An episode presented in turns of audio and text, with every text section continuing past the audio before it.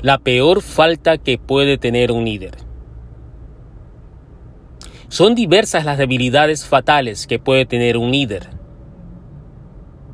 Como por ejemplo, no saber reconocer los errores,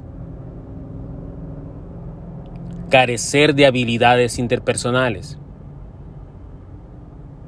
no asumir la responsabilidad,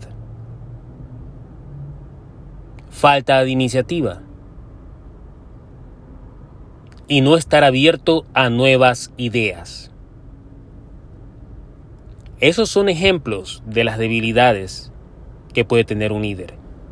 Pero la peor falta para un líder es tener una mala comunicación.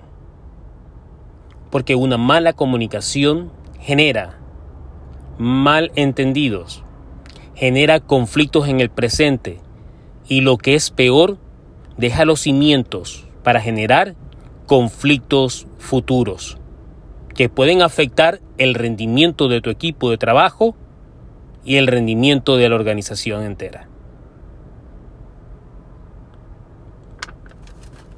Esas son las faltas que tenemos como líderes y la peor falta es la mala comunicación.